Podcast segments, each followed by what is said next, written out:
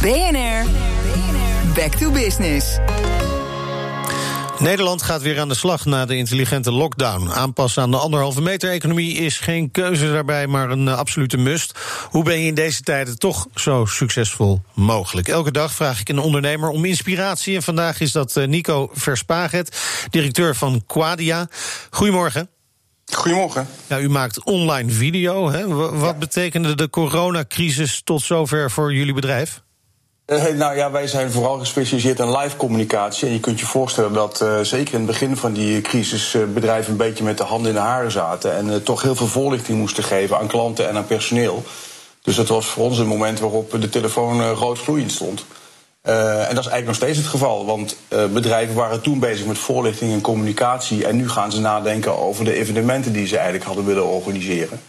Uh, ja, en die moeten nu eigenlijk voor een groot deel ook online gebeuren. Dus dat is iets wat voor het najaar uh, vooral op de agenda staat bij ons, maar ook bij heel veel uh, van onze klanten. Ja, dus daar wordt nog juist meer in geïnvesteerd in die videoverbindingen ja. om dat goed voor elkaar te krijgen.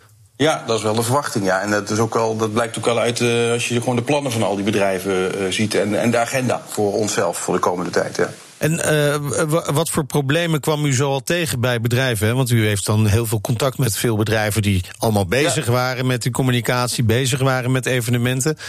Wat allemaal niet doorging natuurlijk voor een groot deel. Ja, kijk, in het begin zag je sowieso dat mensen, dat sommige bedrijven gewoon niet gewend waren om online te kunnen communiceren met ja. grotere groepen. Dus het was voor hen even een soort van uh, ja, nieuwe, nieuwe, nieuw in hun cultuur om dat wel te gaan doen. En nu zie je dat ze vooral gaan nadenken. Ja, ik ben echt gewend om een fysiek evenement te gaan organiseren.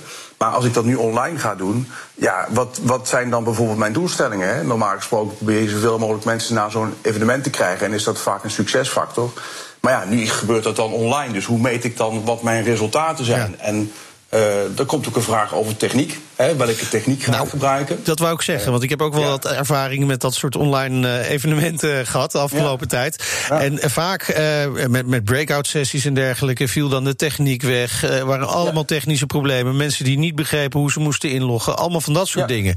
Daar moet je wel rekening mee houden. Daar moet je rekening mee houden. En ja, ik zeg allemaal, je gaat er nou niet vanuit uh, dat, uh, dat je zomaar even bijvoorbeeld Teams of Zoom kunt inzetten voor zo'n breakout sessie. Uh, voor, als je het voor intern gebruikt, dan is het niet zo erg als nee. een keer wat misgaat. Maar als het een evenement is, dan moet het goed gaan. Precies. En ja, je ziet toch vaak dat het uh, ingewikkeld wordt als je meerdere sprekers hebt. Of wanneer je content moet delen met elkaar. Hè, of de hond die op de achtergrond staat te blaffen. Waardoor, uh, dat is ook wel weer charmant hoor, trouwens. Je, ja, maar je, je komt er toch onbedoeld in beeld. Dat is leuk voor je collega's. Ja. Maar of dat nou leuk is voor alle mensen die op een evenement ja. zijn, is natuurlijk een andere vraag. Dus nee, het is precies. wat chaotisch. Ja, ja en het was het begin van de coronatijd natuurlijk wel, wel sympathiek. Maar op een gegeven moment kun je dat ook niet meer maken. Moet het gewoon professionaliteit nee. uitstralen. Ja, dat klopt, dat klopt. En verder uh, zien we heel vaak dat uh, mensen eigenlijk gewend zijn om een evenement te gaan organiseren en dan uitgaan van, uh, van plenaire sessies met een podium. Ja.